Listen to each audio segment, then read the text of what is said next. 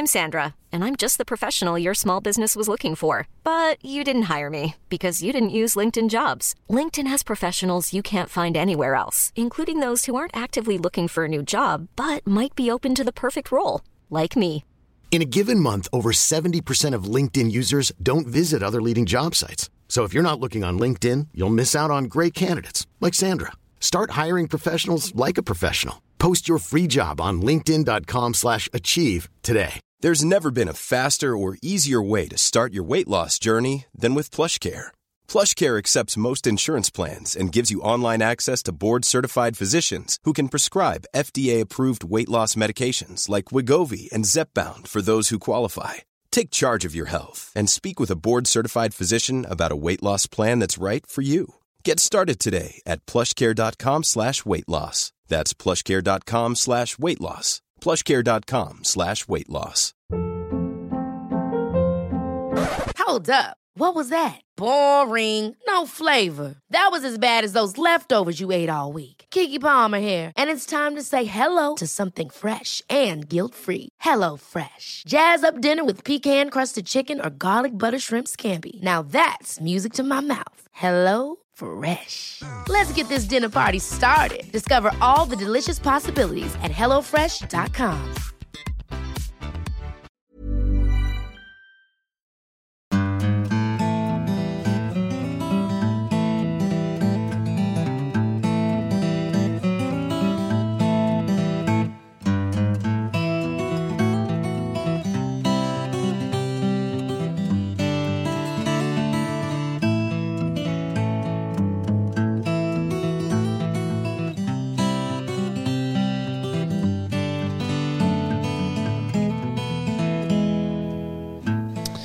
Hjertelig velkommen til en ny episode av Hall og knall-podden. Og forrige gang var vi i Sverige, denne gangen så er vi i Norge. Jepp. Velkommen til deg òg, Kristine, min kjære due. Ja, eh, hjertelig velkommen til deg også, Robert, min eh, kjære Okse. Nei, jeg vil ikke si- kalle det for okse. akkurat, Geit. men, eh, Bukk. Ja, Bær. kanskje. Tyr. Nei, som bukk. Smørbukk. Ja, tusen takk. ja, tilbake i moderlandet. Ja.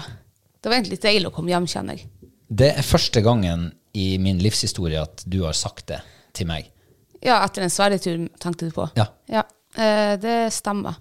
Ja, Hva er forskjellig i år fra, fra de andre årene? Nei, forskjellig fra i år, det er jo at eh, vi var mm, to, ja, to uker senere i Sverige. Ja, vel så det er tre uker nesten enn tidligere. Um, og det var jo ikke, altså, det var ikke sånn som det har brukt å vært da. Hverken med fugl eller uh, værtemperatur, forhold. Eh, ja, det som møtte oss i Sverige nå, det var jo en haug med elgjegere. Uh, ja, masse sko som var sagd ned. Altså det, var helt, det var mye som var fremmed nesten for oss igjen, etter å ha vært i mange år på samme plass. Så leser jeg deg riktig nå at det var en aldri så liten nedtur å være i Sverige? Nei, det var ikke nedtur, men uh, uh, det jeg svarte på, det var vel at det var godt å komme hjem igjen. Ja, men du, Og det var det. du digregerte deg langt ut i en forklaring om hvorfor det var godt å komme hjem. Ja, det var det jeg skulle komme frem til, da. For nå kom vi hjem til høst og jakt, som, eh, som er det deiligste som finnes her nordpå. Bedre enn sommeren? Ja, ja, ja. Fjellene er ikledd masse farger, og du har lov å vandre på fjellen med hagle og hunder og ja. Du, det der ikledd masse farger, ja. ja. Det slo oss jo faktisk i det øyeblikket vi kjørte eh, ut av Norge. Ja. Altså på tur ut av Norge.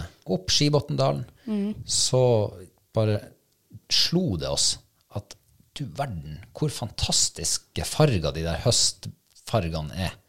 Ja, altså naturen ligger bada i rødt og gult og oransje og Mm. ja, whatnot. Ja, det slår meg hver høst. Ja, vi har dårlig hukommelse akkurat i sånne der. Nei, altså, jeg husker jo på det. Nei, det er veldig fint, det. der. Jeg blir i hvert fall påminnet det hver gang, hver høst når det kommer til den tida på året. Ja. Ja, um, ja unnskyld at jeg avbrøt deg. nei, du har ikke avbrutt. Men eh, høsten det er jo den fineste årstida, syns jeg, da. Med alt det der eh, jakt og farger og Ja. Ja. Jeg syns at hver Alt har sin sjarm. Det er sant. Selv den mørkeste vinteren har litt sjarm ved seg. Ja.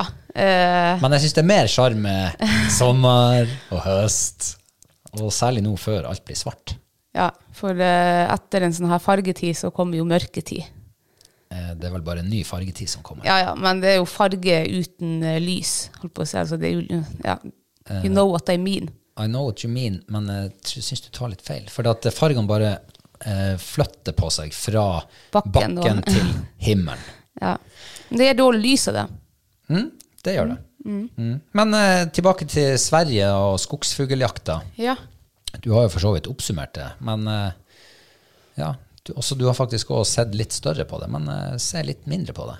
Hvordan var det egentlig å være der? Ja, sist, var- sist vi satt og prata i lag eh, på, eh, på eteren, Ja. så hadde vi vært i Sverige i tre dager. Mm. Nå har vi vært hjemme i et par dager. ja. Kan du ta et lite tilbakeblikk? Ja, altså, det var utrolig godt å komme til Sverige igjen, på samme god plass. Eh, det har ikke vært folk der siden vi var der sist. Nei, faktisk Eh, ikke. Nei. Og eh, tyrebål og eh, slitne hunder og spenning i skogen. Altså, jeg har jo hatt en skikkelig trivelig tur. Det var, ikke, det var kanskje ikke riktig sånn som jeg hadde forventa, men det var absolutt ikke noe nedtur. Det var liksom, jeg fikk, jeg fikk den følelsen at det var eh, kickstart på, på hele jakta. da. Eh, og så kan man jo eh, Altså, turen hadde jo selvfølgelig kanskje vært eh, bedre på en måte hvis man hadde fått eh, skutt den der gulltiuren.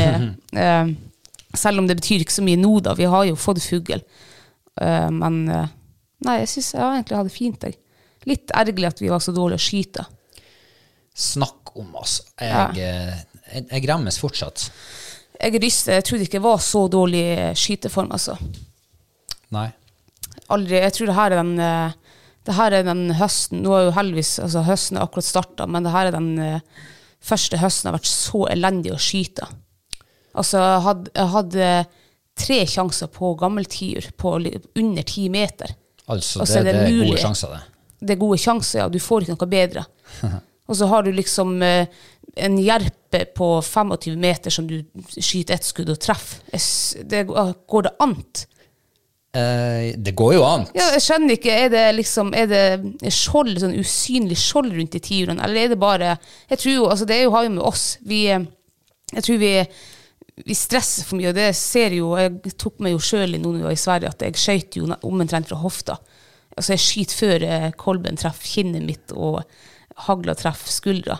Jeg har blåmerker nedover bicepsen min. Så det er jo klart at jeg hadde en helt elendig skyteteknikk. Så det, det, det er nok derfor. Det er bare én ting å si. Ja. Begynn å øve. ja, eller begynne å stresse ned, for jeg var jo faen meg som en eh, Altså, jeg skulle tro jeg eh, gikk på kokain eller noe, så det var helt crazy. Jeg tror, men jeg tror jeg inderlig liksom ønska den fellinga for å fight. Altså, for eh, jeg hadde vel to eller tre gullsjanser på tiur, da. Og alle de tre gangene så skøyt jeg omtrent før hagla traff meg. Jeg tror jeg stresser for mye. Ja, kanskje du går og liksom har en sånn der en stress i underbevisstheten også. Ja. Altså, du vet at det, du, må, du har så lyst til å felle fugl for den hunden, Ja. og når sjansen plutselig dukker opp, så bare Ja, da er- spruter det over av stress. Ja, Det koker i hodet, ja det koker i hodet, ja. og så klarer man ikke å gjøre de rette tingene. Nei, så jeg skjønner jo en eh, hund, sånn som Reborn, han, har jo visse, han er jo litt heit, han. Um, så han koker det gjerne over. Det gjorde jo de siste dagene i Sverige. Så jeg er Oh, litt sånn som en Reborn, jeg. Ja. Koker, koker over. Men du er enda ung, både du og Arne. Ja, det er håp. Men det verste er jo at jeg er jo litt eldre, Ja. og jeg mislykkes, jeg òg. Hver eneste gang Ja. på gammeltiur. ja. Altså, jeg må nesten få Hva er din unnskyld, unnskyldning er, liksom? Altfor dårlig trening. Ja. Drillen sitter ikke. Nei. Nei. Det er og, ja, Altså, jeg må fortelle om da vi hadde en dobbel kronsjanse Ja, på tenk. gammel gammeltiur. Da krysser vi en stor myr. Hun Fight slår seg inn i skogen, Vi ser at hun drar an, Ja. går inn, og vi skjønte at det her blir det standard. og det ble det. Ja. Og da står hun altså etter kartet fem, seks, syv, åtte, ti meter inn i skogen. Ja. Utfor skogen så er det en ordentlig god svensk åpen myr. Mm. Vi blir enige om at eh, jeg skal stå igjen, for du er bedre å snike. Du er bedre å komme deg inn på skuddsjanse enn meg når du går opp i, går mot opp til hund, ja. Ja. Og jeg er bedre å stå igjen og vente på nedfallsfruktene. så der står jeg, skuddklar som få. Ja, du står vel 100 meter ifra å fight. Ja, omtrent det. Ja, i retning eh, venstre, der vinen kommer ifra. Mm. Så eh, i teorien så skal jo fuglen sitte foran og fight, altså litt nærmere meg. Ja. Så der står jeg, og du går inn. Eh, og jeg hører at det braker. Trær knekker inn i skogen. ja, det gjorde det. Et lite stykke bort for meg. Ja, for når jeg kommer dit i skogkanten, så ser hun Fight står. Hun står, kroppen står rett inn i skogen, hodet står eh, 90 grader til, eh, til eh, venstre. Og da tenkte jeg jeg kunne ikke gjøre en usyn, for da fikk jeg hunden mot altså Hun sto jo tett, så altså, hun var sånn intens. Så jeg snik meg bare fram. Jeg var eh, nesten side om side med Fight. Der lette det gammel tiur på åtte meter. Og jeg hiver jo opp hagla og skyter jo. Jeg, vet jeg skøyt ned trærne der. Og andre skuddet måtte bare holde igjen, for han hadde jo beint kurs ned mot deg. Så ja. Jeg hører det braket. Ja. Altså, jumbojeten tar av. Jeg tror jeg roper enda 'Robert, skyt, skyt!' Ja. Og jeg får så god tid ja. å stå der og bare vente på den. Og så ser jeg, får jeg øye på han, kommer baksende ut fra skogen. ja. Rett imot meg. Altså, ikke rett mot meg, men enda bedre situasjon. Skrått mot meg. Ja. Jeg får han ifra venstre. Jeg hiver opp hagla, sikter. God tid til å sikte. Skyt. Forstår ikke hvorfor ikke den fuglen detter. Ja. For det der var jo et kanongodt skudd. Jeg hadde han jo midt på. Ja. Og jeg trenger jo ikke å ladde om engang. Det er bare å, å finne han på nytt. Og jeg tenkte, han fløy så fort at jeg traff bak han. Ja. Så jeg la bare halv meter foran han og trykte av. Nei, han fløy like godt. ja. Og da hadde han altså, jeg skrittet opp etterpå, 25 meter, skrått mot meg, fra venstre mot høyre. Helt katastrofalt dårlig skyting. Og jeg gremmes, og jeg blir forbanna. Og jeg har lyst til å dunke hodet i den tjukkeste furuleggen som er i området. ja. Det skjønner jeg. Altså- Flaks for deg at det ikke var i eh, Ute altså, på myra. på myra. Ja. Ja, jeg hadde sikkert hatt tid til å tenke meg om mens jeg rant innover imot skogen. Nei, vet du hva, altså. Eh, jeg måtte begynne etterpå å liksom evaluere. Hva skjedde? Ja. Hvorfor bomma jeg? Jeg heiv opp hagla sånn som jeg gjorde. Og jeg, det går jo opp for meg at jeg gjør den samme tabben som jeg gjorde da hagla var ny for Ja. meg. Jeg får den ikke godt opp i kinnet, Nei. så jeg skyter over. Ja. Det er jeg 99% sikker på. ja, det høres jo kanskje sånn ut. Og det gremmer jeg over. Ja. Men det er akkurat som du sier. Når du får gammeltyren sånn der, han kom, du har så god tid. Det, det, det renner over for meg. Jeg takler ikke det. Men når det kommer en rype smettende ut på veien, og bare hiver opp og skyter av gårde skudd Ja, da detter de. Da detter de. Ja. Nei, du, Det er helt utrolig. Ja, det er helt utrolig. Jeg hadde jo en til eh, sånn eh, For du hadde jo jobb i Sverige. Du hadde jo hjemmekontor i hotellet vårt. Ja, det var det jeg hadde. Ja, så jeg eh, tok med henne Fight med meg ut, og så for på en liten jentejakt. Um, og da ser jeg en gammeltiur på, på morgenen på, på, altså på veien. Men jeg skulle ikke jakte, jeg skulle litt lenger opp i terrenget, så tenkte jeg at jeg kan prøve å slippe hunden når jeg kommer ned igjen. Og det gjorde jeg. Etter tre-fire timer så slapp hun Fight der. Og jeg ser hun går med en gang og tar spor, men hun går liksom motsatt retning av der han gikk inn da. Um, jeg tenkte nå altså, Han kunne jo selvfølgelig ha gått tilbake igjen. I hvert fall, hun gikk inn åtte meter inn, festestand. Og jeg kommer inn, det var sånn skikkelig sånn oversiktlig eh, gammel granskog. Du vet sånn at det var, det var ikke tett, var det. Men det var liksom nok tett. Det var tett, tett, men ikke tett. ja, det var nok tett til at det kunne sitte gammel tiur der liksom og gjemme seg. Og jeg kommer helt opp til fight og tenkte jøss, da var kanskje de er her rett i nærheten. Og, og hun avanserer opp en 10-15 meter. Der kaster det seg ut ikke bare én, men to gammeltiurer. Og jeg skyter, bommer. Jeg skyter jo også før hagla treffer skuldra mi. Bommer, skal jeg skyte en gang til, og da har jeg litt mer sånn tid å sikte. Men da får jeg ikke avtrekk, for da klikker hagla. Dritthagle, altså. Ja, dritthagla. Men i hvert fall, de deler seg, de to tiurene. Den ene tiuren han flyr liksom rundt meg, bare som en U, og så slår han seg ned i en buske 40-50 meter ifra meg. Og jeg ser hvordan busken setter seg. Jeg tenkte dæven, så jeg ladde om på nytt og sneik meg dit. Og når jeg kommer fram til den buska, så jeg ser ingen tiur. Så tenkte jeg, her sitter han lenger fram da. Jeg skjønte ikke, jeg tenkte han må jo sitte lenger fram, da har jeg sett feil på buska. Så trør jeg ett skritt, og der letter tiuren rett over hodet på meg. Og så fyrer jeg av to bomskudd. Er det mulig? Altså, jeg skjønner ingenting. Uff, jeg har lyst til å skrike. Så ja, det var, faktisk, det var deilig å komme hjem nå vekk fra det der. Fra de nederlagene. ja. Men, eh, men eh, jeg spurte jo deg eh, før vi reiste fra Sverige, Ja. vi var kanskje satt i bilen, så hva er høydepunktet ditt fra, fra denne turen her? Mm. Hva var høydepunktet ditt? Høydepunktet mitt var tredje jaktdag eh, før lunsj. Da hadde vi altså Vi hadde ikke så veldig mange situasjoner, men de situasjonene vi hadde, var veldig bra. Eh, vi skjøt godt, hundene fungerte, det var jævlig fin skog. Det var kull å se, det var gamle tiur å høre. Eh, det var en sånn perfekt jaktdag. Mye action, mye Alt. som skjedde. Ja, mye som skjedde, og alt klaffa, og bare alt var Altså, jeg, ja. Tenkte ikke på noe annet enn den dagen der. Ja. Og så spurte du hva var mitt høydepunkt? Ja, hva Ja. ditt var. Ja. Eh, og man har jo lyst til å trekke fram eh, de der eh, perfekte situasjonene, Ja. eller når utbyttet var godt og skogen var fin. Og. Mm. Men når jeg tenker på denne turen, så er det kun én, ja, det er to situasjoner som har brent seg fast. Ja. Og det er den vi snakker om da jeg bommer to skudd på Kammelturen, hvor du har bomma ett skudd rett før. Oh, ja, den, ja. Og eh, noen dager før, da jeg skjøt to bomskudd rett over hodet på meg på en ja. gammeltiur. Det har vi faktisk på film, den Det situasjonen. Ja, det har vi faktisk. Ja. Kanskje vi skal klippe den sammen. Ja, altså den Ja. Men det var kanskje Altså, jeg tror den eh, altså, Det der skuddet var vanskeligere enn den ute på myra. Oh yeah. For den kommer som et prosjektil rett imot deg. Ja. Rett over hodet. ja.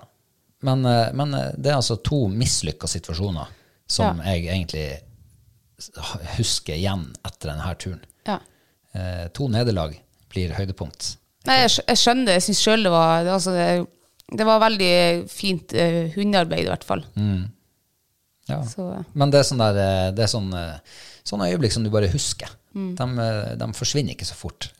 så, selv om det der og da er et nederlag, så i etterkant så Vi gjorde jo egentlig alt rett, bortsett fra at vi klarte ikke å treffe på de forbanna skuddene. Nei, det er sant. Ja.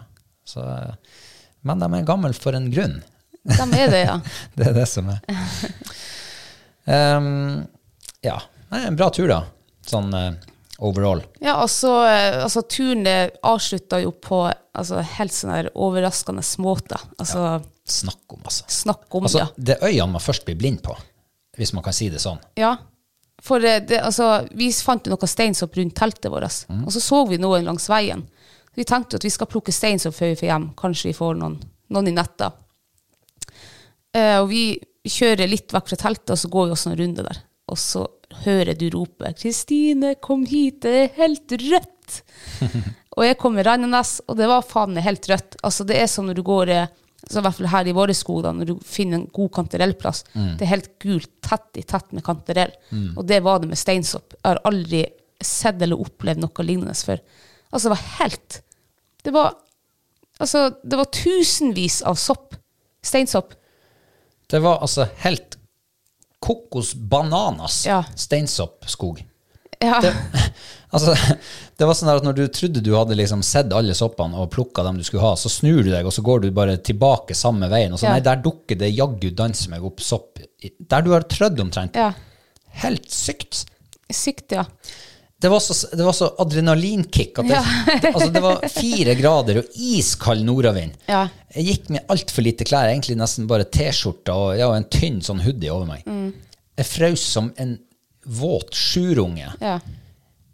Men det var så, jeg ble varm av det der adrena, adrenalinrushet i kroppen. Det var altså så rått. Ja, det var helt rått, var det. Det var det her vi reiste til Sør-Norge for. Ja. Østlandet, for å oppleve. Mm. så trengte ikke vi å fære lenger enn til Søta Bror. Ja. Nei, det var, det, var, det var helt insane. Det var sprøtt. Så nå eh, neste sommer, eller sensommer, høst, så trenger vi, kan vi bare drite i å plukke, eller bruker masse tid på å plukke sopper i reisa. Vi gjør det på Sverigeturen vår. Ja, tar det rett før vi drar hjem. Tenk, vi fylte begge soppkurvene våre, så da kunne vi liksom plukke ut de fineste soppene. Det sto mye igjen. Ja, dæven, altså, jeg vet ikke hvor mange sopper jeg eh, skjærte av for å se om det var maksspist. Det var i hvert fall mye mer enn det jeg har i kurven. Ja. Altså, ja, det var helt Og- sykt. Ja, og så, De var jo litt spesielle, de der, for det var antagelig veldig veldig tørt, eh, tørr skog akkurat der. Ja. Så de soppene, mange av dem så Det så ut som det var sjakkbrett oppå dem. Altså, det, Ja. Sånn som når du snitter en brøddeig, og så steiker du den. Snitter sånne rutenett. Mm. Og så hever dem opp, og så blir det sånn eh, strekt. Altså, sånn var det oppå de mange av Mm. de her soppene. Og når du hadde gått og, og løfta på mange av de der og funnet ut at de var jo akkurat som det var en godt stekt bolle, altså luftig inni, Mm. så jeg, jeg lærte meg at eh, jeg lar dem stå igjen. Og så ser jeg rundt der. Er det noen som ser mer vanlig ut? Altså litt mer normal farge på? Ja. Og da fant jeg altså så mye fin sopp. Altså det var ren skjære soppporno å skjære dem i to. Og du ser, altså, noen av dem var så crispy i, i stilken at det var nesten som å skjære i potetgull. Ja. Nei, det var, det var en makeløs opplevelse. ja, det var Ja. Eh. det kommer i hvert fall jeg til å huske for det, i hvert fall veldig, veldig lang tid. Ja, snakk om, altså. Man skal bli bra senil før man glemmer sånt. Ja. Så der har vi jo berga eh, Berga har berga hele vinter. Ja. Ja. Nå, har vi altså, nå ligger det sopp i stekeovn til tørking. Eh, ja, runde nummer to. Og så har vi eh, to eh, tiliters bøtter som nesten er fulle av steinsopp som ligger til salting, for det skal bli soya, soppsoya. Og så har vi masse, jeg vet ikke hvor mye matsopp vi har som vi har vakuumpakka. Herregud, altså, vi skal kose oss. Jeg vet hva, jeg tror vi brukte en time, en drøy time på å plukke det der. Ja. Og så brukte vi ja, en halvannen, to timer på å prikovere det og gjøre Mm. det klart. Så det er altså fire timer av livet vårt. Tre-fire timer har vi brukt på en hel vinterforsyning. ja. Nei, du verden, altså. Ja, det, det skal smake godt til både tiuren og rypa og skogsfuglen. Um, tørkinga, ja. Det er jo eh, en meget god måte å bevare soppen på Ja. utover vinteren.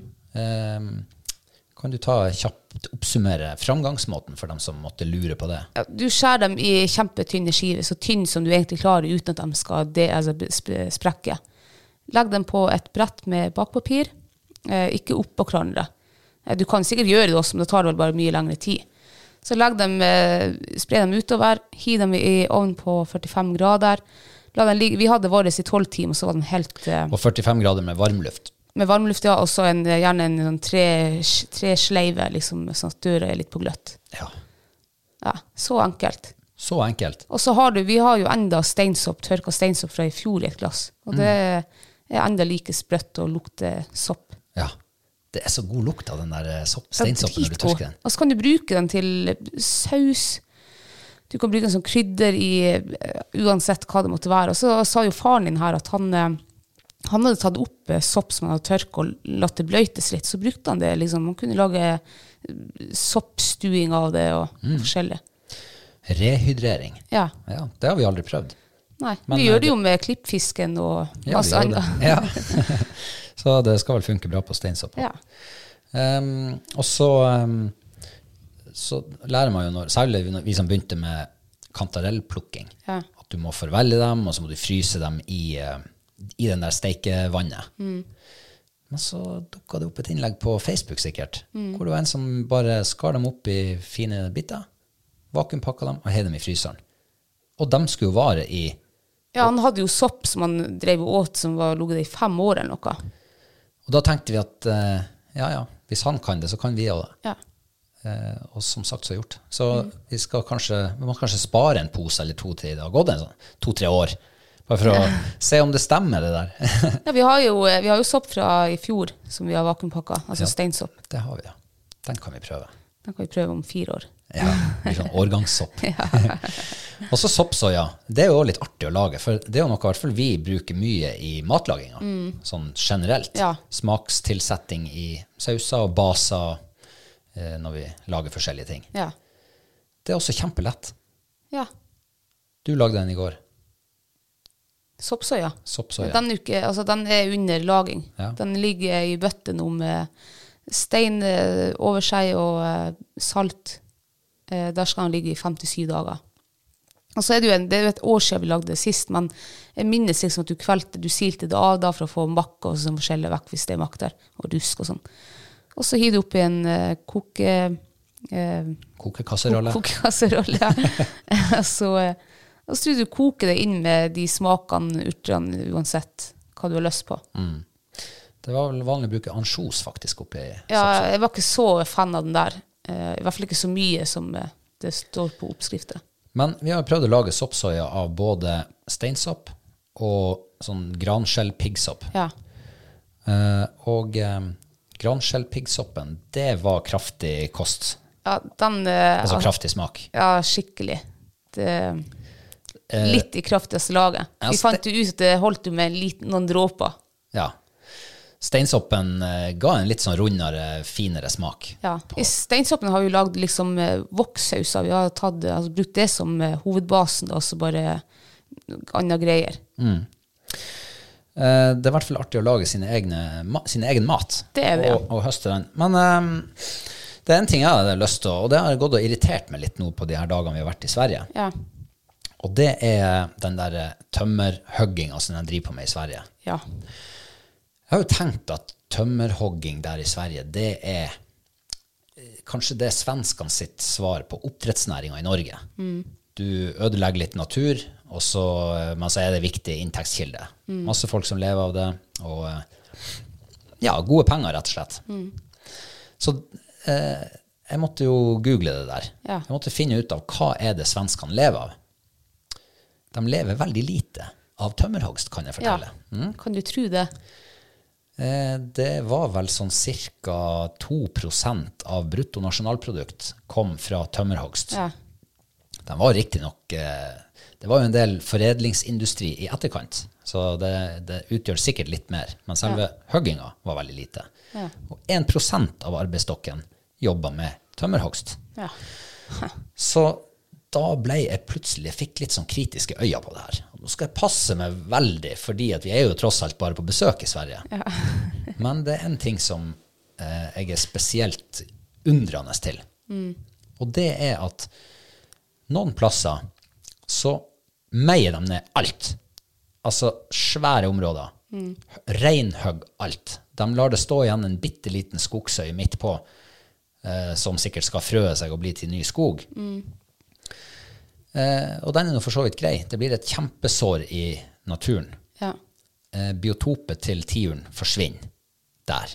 Eh, de er så store der at du kan sikkert spille Norway Cup på en sånn der hogstfelt. Ja. Så mange fotballbaner kunne du ha bygd der. Men det som forundrer meg, det er at andre plasser, nei, der meier de ikke ned hele skogen. Nei. Der meier de ned kanskje ja, en tredjedel av skogen, kanskje. Altså sånn tynne. De høg, altså, tynner ut skogen. Ja, men på et mye større område enn der de eh, På tregangen, kanskje. Ja. Altså kilometervis med sånn der uttynna furuskog. Og da har du fanken danse meg igjen ødelagt tre ganger så stort område for tiuren. For der bor ikke tiur der. Nei. Så de bor ikke der de har meia ned alt. Der det er snauhøgd. Men der, der kan de bo rundt. Der kan de bo rundt. Ja. Men der de har uttynningshøgd, der kan det heller ikke bo tiur. For de trives ikke i den skogen. De blir for åpen. De blir for luftig. Mm. Og da Hvorfor kunne de ikke bare ha meia, kun meia ned alt? Og så bevart Ja, de to ja. tredjedelene som de tar sånn tynnhugging ut av? Nei, det er vel en mening med det som vi ikke forstår, men, eh, men det er jo klart de har jo ødelagt den plassen for eh, fugleliv og, og sikkert dyreliv også. Ja, jeg, eh, jeg kjenner i hvert fall på meg at Men da, altså, vi, det er to år siden vi var der sist. Og herregud, for en forandring det har, det har vært nå på de to årene. For det var jo mye skog som var meid ned der. Det var um, et område som vi har uh, jakta mye i, som eh, var meid ned altså like før da. Eh, det var jo flere kilometer på begge sider av veien. Ja. Um, ja, jeg syns det Uff. Ja, det også Vondt i meg. Ja, jeg får litt sånn her eh, sånn Men samtidig så er det jo, det er jo arbeidsplasser, og vi må jo ha vi må jo ha material til platten vår og til husene, og så det skjønner jeg jo. Vi må ha dasspapir, Ja, tørkepapir, Ja, noe- avispapir, bokpapir. Vi må ha papir Ja. og material. Eh, men man kan jo stille spørsmål allikevel. Jo, jo. Og det stilles jo spørsmål om oppdrettsnæringa i Norge. Er det bra for oss, eller er det ikke det? Og da kan jeg tillate meg å stille spørsmål om tømmernæringa.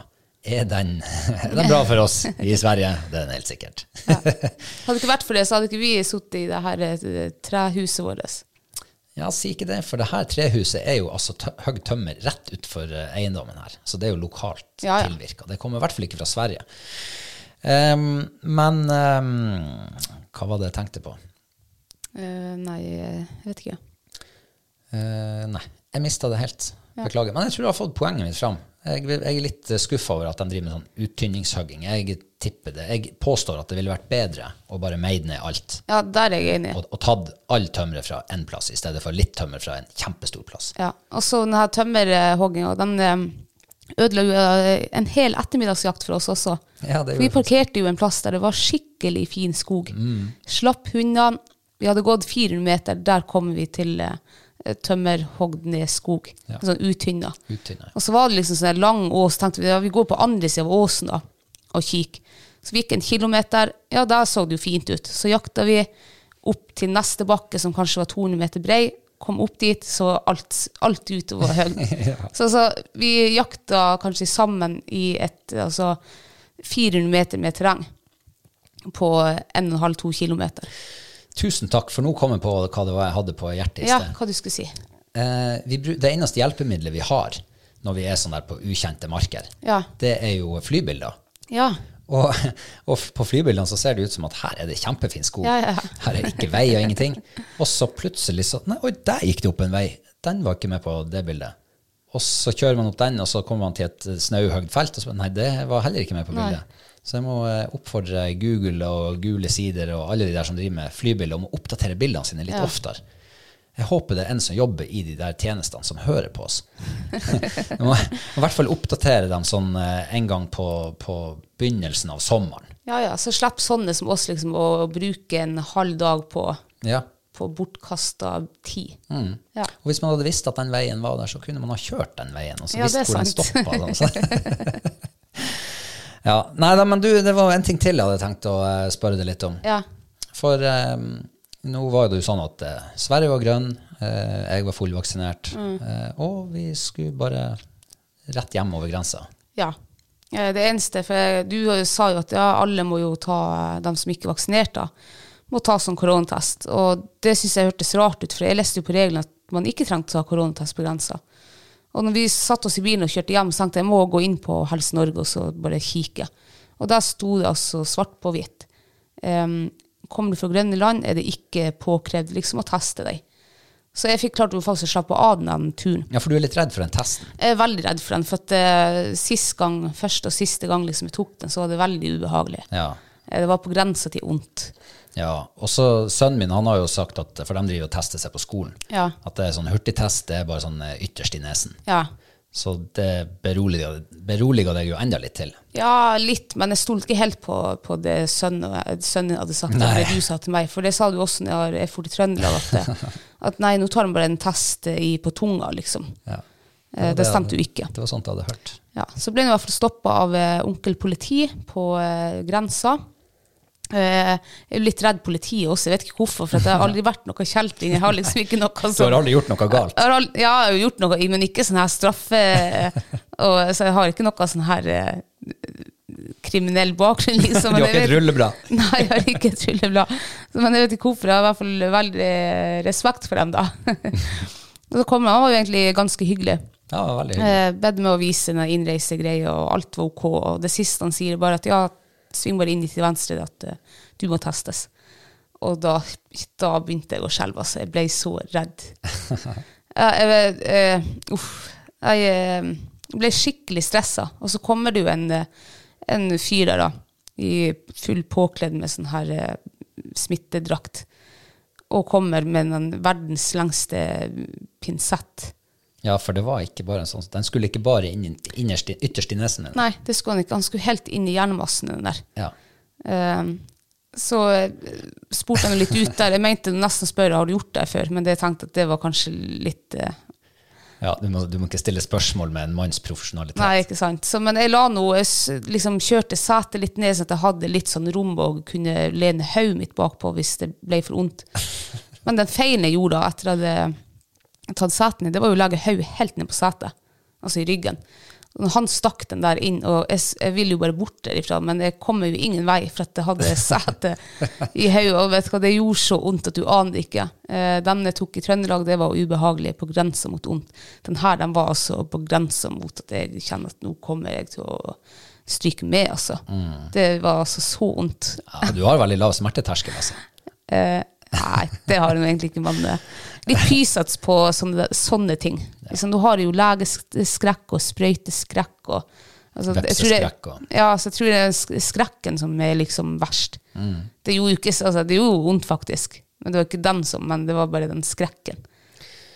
Ja. Men uh, det var vel verdt det allikevel. Ja, det var jo det. Eh, jeg var nå frisk og fikk nå tatt den testen. Ja. Ja. Og da var det bare å kjøre hjem. Det var bare å kjøre hjemme. Hjem til rypejakt. Ja. Først til, ja, hjem til fotballkamp, faktisk. Ja, det var det nå. Ja, så etter en uh, fin seier, så var det å gå og legge seg, og så var det å stå opp til uh, rypejakt. Ja. Og for en dag å våkne til. Ja, det var, altså, det var mye mildere her hjemme enn det var i, i Sverige. Nå har vi jo våkna til hver dag sånn i tre-fire plussgrader, og sånn har det vært alle dagene. Her våkna vi til åtte-ni plussgrader, blå himmel, sola var på tur å komme opp fra fjellene, og herregud, det var fint.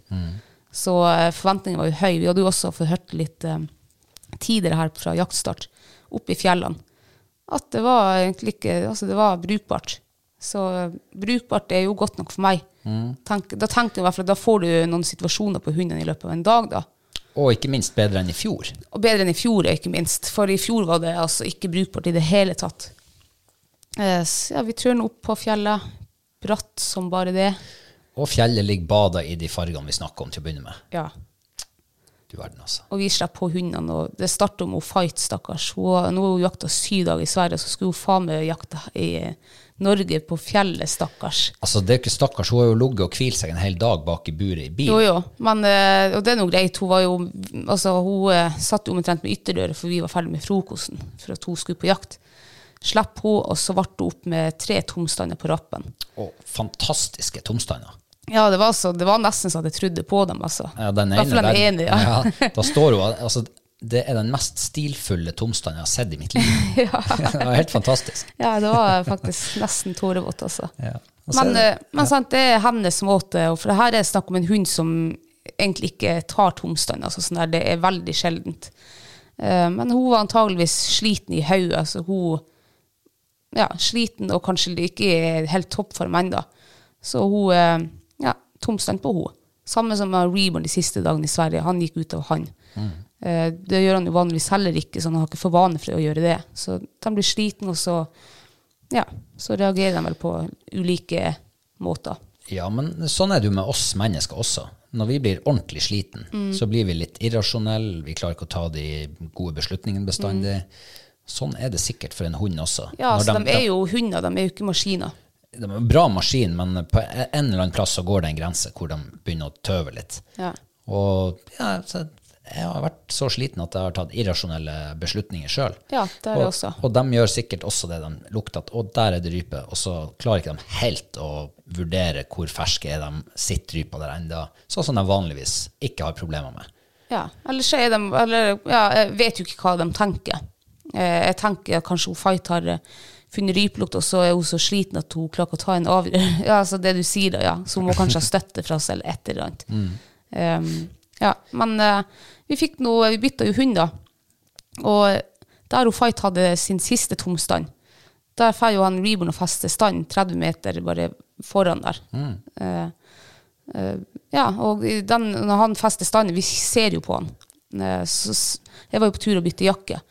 Tok opp sekken der og, og sa bare, jeg skal bare bytte jakke. Ja, sa du, du gikk nå. Så du gikk nå under bakken der, og tenkte, der står du sikkert og venter på meg da. Så jeg kledde på meg jakka og fant fram huet og kledde på meg sekken og ladde hagla liksom og trødde ned. Og med det samme jeg kommer på haugen. Nei, da står du rett bak han Reborn og skyter fugl. Ja. Jeg skjønte ingenting. Nei. Så jeg måtte jo rope til hvorfor eh, venter du ikke på meg? Og eh, du ble nå litt sur, da. Eh, hvorfor det vet vel bare du. Ja, det vet bare jeg. ja. Jeg har mine grunner. Ja. Nei, nei, altså det var bare en god gammeldags misforståelse. Ja. Så jeg kan jo be om unnskyldning for det. Nei, det, trenger du ikke, men eh, det var, der og da tenkte jeg bare at å ja, du eh, ja, Vi er ikke team lenger, liksom. Nei, jeg bare gikk frem. Det var Egon Riborn som var team der og da. ja. Ja. Men jeg tenkte ja, ja, men vi får nå sikkert flere situasjoner. Eh, Jeg lovde deg jo at du skulle få gå opp alene i neste situasjon. ja, sånn det var ikke viktig for meg. Nei. Det er ikke sånn her eh, Nei, men jeg tenkte ta det, det er det man sier til ungene sånn her. Ja, ja, men, men neste sant. gang så skal du få gjøre det sjøl alene. Liksom. ja, nei, sånn, sånn der ting er ikke viktig for meg. Jeg bare lurte på hvorfor du gikk opp og skaut. Ja. Uh, men i hvert fall, det var nå den siste situasjonen vi hadde på hele dagen, fram til uh, Vi delte oss, du ble litt sliten, du ville gå ned til bilen. Jeg ville jakte litt til, så jeg og Fight gikk. Og heldigvis, eh, for min egen del, så festo stand, og denne gangen var det jo rype foran. Eh, så det var bare én rype, men eh, jeg gikk nå ned og skjøt den. Det var kanskje egentlig dumt gjort ja, det kan godt være det. sånn sett. Siden vi så så lite rype. Vi så seks ryper den dagen. Um, men eh, jeg har tenkt uh, tilbake til uh, sånn som vi hadde det i vinter, Ja. Egon Reborn.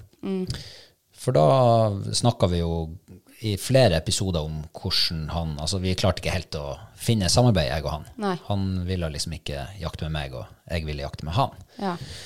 Og når vi var i Sverige de siste dagene, så kom det tilbake til meg, det der. Den der er, det, er det noe galt nå? Er det lederskapet det er noe galt med? Er det jeg er en hestkuk? Hva er det med meg som gjør at han ikke vil jakte med meg? Ja. Så jeg var litt spent i går da vi starta til fjells. Tilbake til kjente jaktmarker og ja, jeg skulle se hvordan det gikk. Og jeg ble altså så sinnssykt positivt overraska over den gutten der. Han jakta altså som en gud hele dagen Ja. for meg. Det var så deilig. Og det var eh, høydepunktet for meg den dagen. Ja, ja, ja. Men det er jo som jeg sier også, at han, han ble sliten i Sverige. Han, han, eh, altså, han utagerer med at han klarer ikke å holde kontakt. Han gjør ikke det for å være hestkuk. Han gjør ikke det for at han har en vane for å gå ut av hånd og sånn der. Men han klarer rett og slett ikke å holde fokus.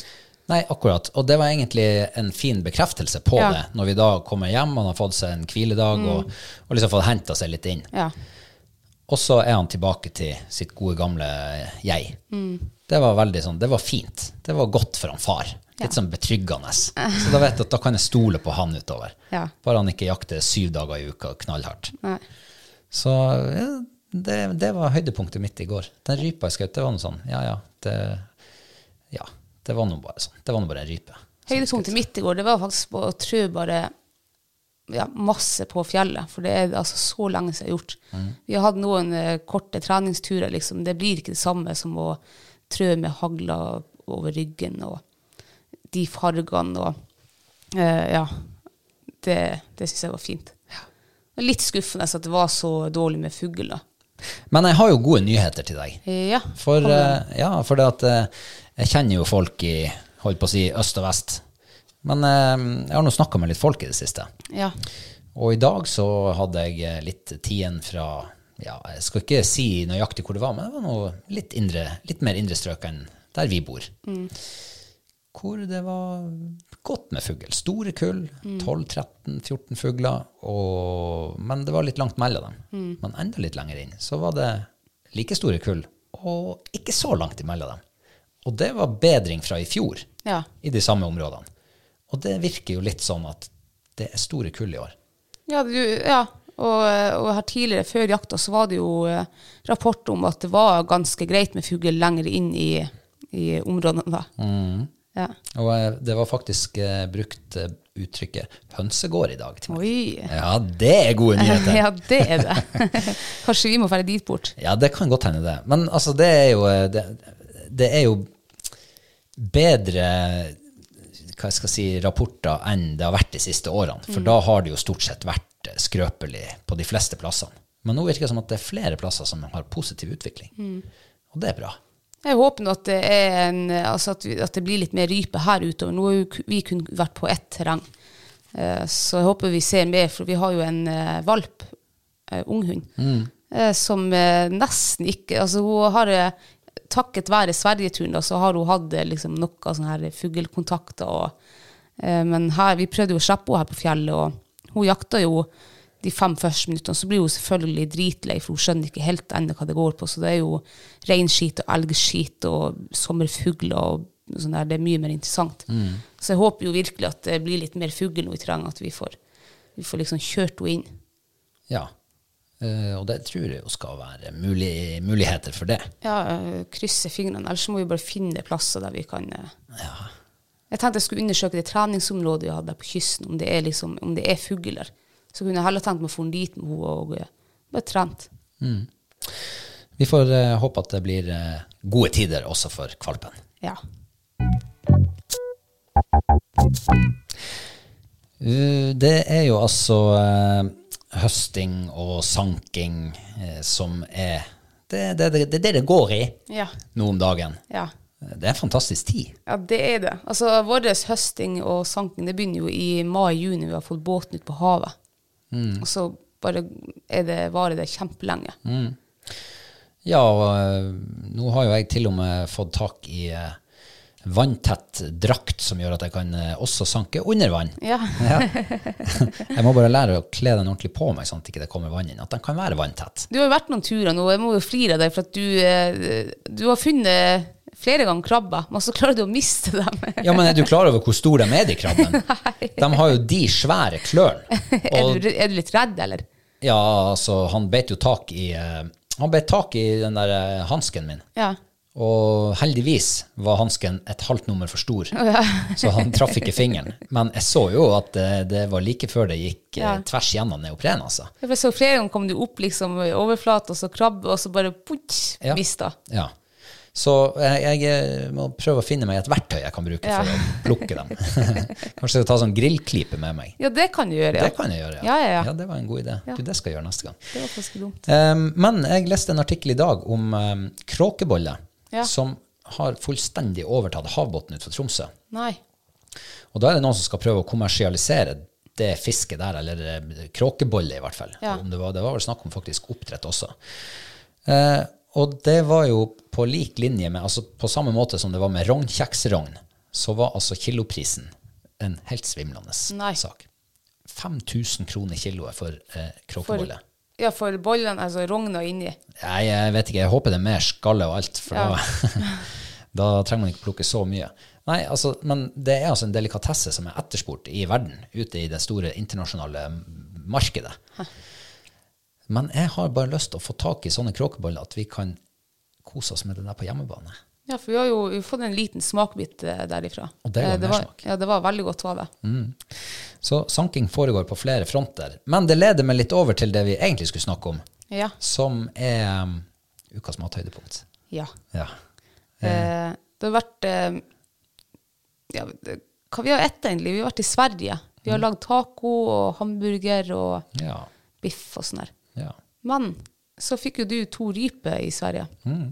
Og det er jo ingenting nesten som er bedre enn helt rykende ferske ryper. ja. Eh, så fant vi jo steinsopp utenfor teltet. ja. Så vi Rett attmed dassplassen. Ja, ikke sant, ja. Heldigvis var litt utafor. Gjødsel. Så jeg må si at den rypemiddagen der med steinsopp, altså det var altså så godt at uh, uff. Jeg får vann i kjeften bare av å tenke på, tilbake på det. For det ja, rype på høsten, liksom de første, dem du steiker ute på, på bålet i panna, det, det er lite som slår det.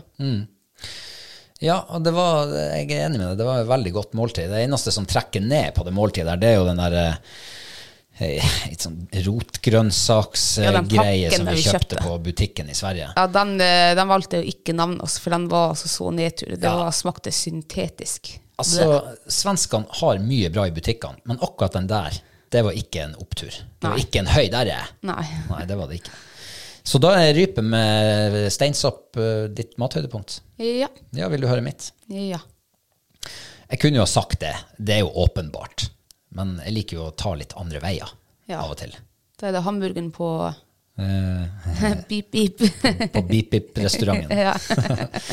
Ja, den kunne jeg ha tatt, men da måtte jeg ha sagt litt mer om den, og da kan det avsløre litt om hvor vi er hen. Ja, okay. Så jeg lar den ligge, eh, men det er jo et, et mathøydepunkt hver gang vi er i Sverige. Ja. Det er den burgeren. Men det dukka opp et nytt konsept på hjemturen. Ja. Ja, for eh, da stoppa vi på en eh, liten sånn der en, kafé. Eh, og så eh, gikk vi inn der og skulle bare ha noe sånn kjapt med oss. Eh, en bagett eller noe. Og så hadde de ikke noe sånn frista. Det var sånn ferdigpakka sånn der eh, trekantige loffer med noe sånn greier inni. Nei, det var ikke så veldig fristende. Men så så jeg at de hadde ehm, kebab. Ja. Kebabrull. Det hadde de på menyen. Og det bestilte vi. Og det ble veimat. Ja. For, for den var jo varm når vi fikk den. Men da var vi ikke sulten. Så den ble kald. Og det var sånn der vi tok opp og spiste underveis på hjemturen. Det var så godt. Ja, altså det var, den var faktisk jækla god av dem. Uh, og det som, eh, det som faktisk var litt sånn overraskende positivt med den bestillinga, det var at han eh, kokken han hadde lagt igjen en svær eske med chips. Altså pommes frites. Altså pommes frites, ja. Ja, eller til oss. strips, som det kalles i Ja, Sverige. strips. Han sa til meg han hadde lagt oppi noe strips. eh, Jeg skjønte ikke hva han pratet om. Så jeg sa bare OK. Så jeg skulle egentlig ha takket han, men jeg skjønte ikke hva strips var for noe. Mm. Eh, Det var positivt overraskende. Veldig hyggelig. Og den der eh, stripsen i Sverige, det kan de. Ja, den er mye bedre enn den du får her i Norge, Ah, syns jeg. og de får dem, de får dem, det er akkurat som de koker den i ferdigsalta olje, nesten. For det er nesten Ja. som den er liksom innbakt, altså saltet innbakt i stripsen. Ja, det var kjempegodt. Så, men konseptet kebab på tur, rullekebab på tur i bilen, det sparte oss jo for en masse tid. Vi slapp å stoppe etter å kjøpe lunsj. Vi slapp å stoppe og kjøpe middag. Vi hadde alt i bilen. Effektiv hjemtur. Veldig effektiv, ja. Og veldig godt var det også. Ja, det var det. Eh, da skal vi over på eh, Vi har fått oss et par nye patrons siden sist. Oi, Kjempestas. det er hyggelig, ja. Ja, det er hyggelig. Eh, og denne gangen så er det to mannfolk. Ja. Han første er Ola Nesset Isaksen. Ja. Eh, han har som profilbilde har han et bål oppå høyfjellet med et vann. Det er halv- og knallbål. Det er halv- og knallbål. Det ser veldig sånn ut. Og så er det en husky-hund, tror jeg, der i bakgrunnen. Ja, er det det? det ja. Da er i er hvert fall et friluftsmenneske. Mm. Kanskje fisker. kanskje fisker, ja. Og så har han gjort eh, genistreket og kjøpe seg en husky som kan bære kløvet hans. Ja, Det er smart, det. det er smart, ja. Eh, før så ønska jeg husky for liksom det, altså ha han som bærer kløv og Mm. på tur og trekke og sånn der. Eh, veldig flotte hunder. Men så fikk du deg heller støver. Ja, de er også fullt mulig brukende til kløv og trekking. Ja. Dæven, det er sterke hunder. Eh, men det her ser jo nesten ut som at det er på eh, Det er oppe i høyfjellet, det Det er høyfjellet, så så er det liksom sånn Det er veldig høyt opp, for det er liksom Mm. ikke I hvert fall ikke klarer ikke jeg å se skerry på det bildet. Nå er jo bildet som en eh, femøring. Ja, men jeg ser noe som kan eh, avsløre at det der kanskje er litt veinært. Ok, Og det er at det ser ut som det er vedkubber han har på bålet. Tror du det? Ja, og hvis det er det, så jeg tror ikke, jeg tror ikke huskyen har båret de vedkubbene eh, liksom langt, langt, langt til fjells. Så jeg tror det bålet der er ganske veinært. Eller det kan være i Finnmark. Der er det faktisk fullt mulig å finne vedkubber eh, langs skuterløypene. Ja, Eller der samene liksom har vandra med reinflokken. og- det kan det, Det har jeg gjort flere ganger. Tror du at han er fra Finnmark? Mm, ja, eller Trøndelag. De har jo eh, samer der også. Ja, det har de. Men har de høyfjell der? Skjækerfjellene er vel ganske høye. Ja, ok. Jeg tror det er høyfjell. Eh, men jeg, det bildet gjør at jeg trekkes til Finnmark. Jeg tror han er fra mm, Stabbursnes i Porsangerfjorden. Sa du Stabbursnes for at han heter Nesset? Nei. Ja, for jeg mente å si Nesseby. er det ikke en plass som heter det? Der er det lite trær. Det er det, ja. Det er helt nord i, nord i Finnmark. Er det en plass som heter Nesseby? Ja. Ja, for jeg tenkte først, jeg tenkte nå når jeg sa Nesseby, så tenkte jeg Lebesby. Men det er jo Ja, det er kanskje kommunen. Ja, men da jeg. Jeg sier Nesseby i Finnmark, da. Ja. Vi var plutselig enige om Finnmark. Ja. Eh, og så har vi vår andre nyankomne som heter Glenn Linnerud. ja. Han har en eh, rev som profilbilde. Ja, det har han faktisk. Så kanskje han er revejeger. Nei, jeg tror ikke det. Hvorfor tror du ikke det? Nei, jeg vet ikke. Jeg tror ikke, han, eh, jeg tror ikke det er rev der han bor. Oh ja, hvor du tror han bor hen, da? Nei, jeg innbiller meg at Linderud, da er du litt mer i urbane strøk. Tror du det? Ja, jeg tror det. Kanskje sånn eh, Oslo-region en eller annen plass. Å ja, så du, eh, du dømmer faktisk på etternavn? Det er ikke dømming. Nei. Det her er vill gjetting. Oh, ja. Men jeg vet om en plass som heter Linderud. Der er det krigsskole, men det skrives ikke helt likens. Nå, ok. Men uh, jeg bar nå fast her nede, så jeg sier uh, uh, ikke Oslo-Gryta, men litt sånn i utkanten av Oslo. Ja, ok. Det tror jeg. Jeg tror han er fra Nordland. Hvorfor det? Jeg vet ikke, jeg fikk bare Linnerud. Det var som jeg hørte etternavnet før, og så fikk jeg bare det første som slo meg, var Nordland. Så jeg må si eh, Ja, hvor hen i Nordland, da? Nå er jo, det er ikke så mange uker siden vi reiste forbi Nordland. Det er ikke så mange uker siden. Kanskje um, Mosjøen, området der. Det er jo nær til svenskegrensa. Ja. Og Linderud, det, det hørtes også litt svensk ut. ja. Uh, ja, jeg sier han er eh, nordlending eh, fra Mosjøen. ja. Uh, og hjertelig velkommen til dere to. Ja, det setter vi kjempemasse pris på. Det gjør vi. Uh, og det er selvfølgelig plass til flere. Og eh, kanskje en god grunn til å eh, bli Patrion eh, nå, det er jo den siste filmen vår. Ja. Eh, hvis du har lyst til å se en god halvtime med andejaktmoro, Ja. sånn som vi gjør det, Ja. så, så da er det en, en god grunn til til å bli patron. ja. Og så er det jo enda en, en god grunn. Er det mer? Ja, vi har jo giveaway denne måneden. Ja, det har vi òg. Det er jo noe av det råeste av hodeløkt som du kan få. Det er vel det råeste du kan få. Ja. Det er altså en eh, hodelykt. Den heter Bright as Day. Og den bærer navnet sitt med rette. Ja. Eh, altså, denne hodelykta er ikke den råeste de har. De har noen som er helt syk. Den her har 800 lumen. Meget god allround-hodelykt. Eh, og den har vi fått fra Moonlight Mountain Gear. Sjekk ut nettsida deres. Der er mye snop. ja, det er det, altså. Eh, og den gir vi bort eh, nå i Det begynner å nærme seg veldig nå. Nå er jeg litt sånn datoforvirra etter å ha vært litt på loffen igjen, men eh, en eh, halvannen-to uker, Ja. så skal den av gårde til en av våre kjære patrons. Ja. Det gleder jeg meg til. Det gjør jeg også. Eh, ja, jeg blir helt sånn eh, andpusten nesten av å prate. Det, vi prater mye. Ja. Eh, hva du har slags forventninger til den neste uka? Eh, nei, nå må jo hundene må jo få restituere seg. Gratulerer, du klarte å si det. Klarte det, ja. Yes. For jeg har sagt restuere og resistutere og altså, Restaurere og Restaurere. Ja, det det var veldig vanskelig ord, altså. Det er kjempevanskelig. Men restituere. Yes. Ja, eh, det må de.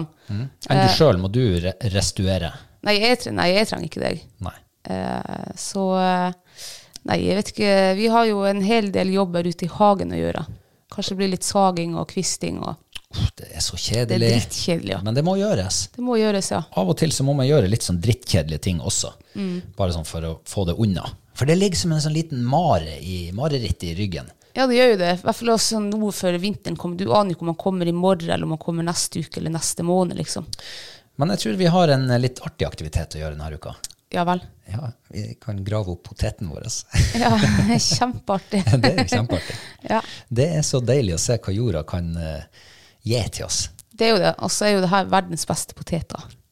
Syns i hvert fall jeg. Ja, det er i hvert fall ingen her, på, rundt det her bordet som motsier deg på det. Nei.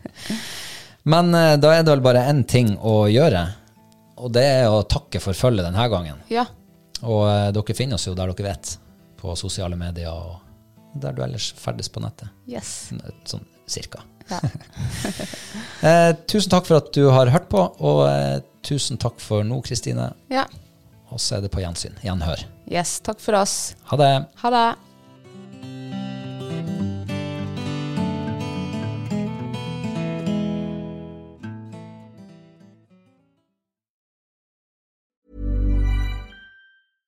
Ever catch yourself eating the same flavorless dinner three days in a row? Dreaming of something better? Well, HelloFresh is your guilt-free dream come true, baby. It's me, Kiki Palmer. Let's wake up those taste buds with hot, juicy pecan-crusted chicken or garlic butter shrimp scampi. Mm. Hello Fresh. Stop dreaming of all the delicious possibilities and dig in at HelloFresh.com. Let's get this dinner party started. Hi, I'm Daniel, founder of Pretty Litter. Did you know cats tend to hide symptoms of sickness and pain? I learned this the hard way after losing my cat, Gingy. So I created Pretty Litter, a health monitoring litter that helps detect early signs of illness by changing colors, saving you money and potentially your cat's life. Pretty Litter is veterinarian developed, and it's the easiest way to keep tabs on your fur baby's health right at home. Go to prettylitter.com and use code ACAST for 20% off your first order and a free cat toy. Terms and conditions apply. See site for details. Imagine the softest sheets you've ever felt. Now imagine them getting even softer over time. That's what you'll feel with Bowl and Branch's organic cotton sheets. In a recent customer survey, 96% replied that Bowl and Branch sheets get softer with every wash. Start getting your best night's sleep in these sheets that get softer and softer for years to come. Try their sheets with a 30-night guarantee. Plus, get 15% off your first order at bowlandbranch.com. Code BUTTERY. Exclusions apply. See site for details.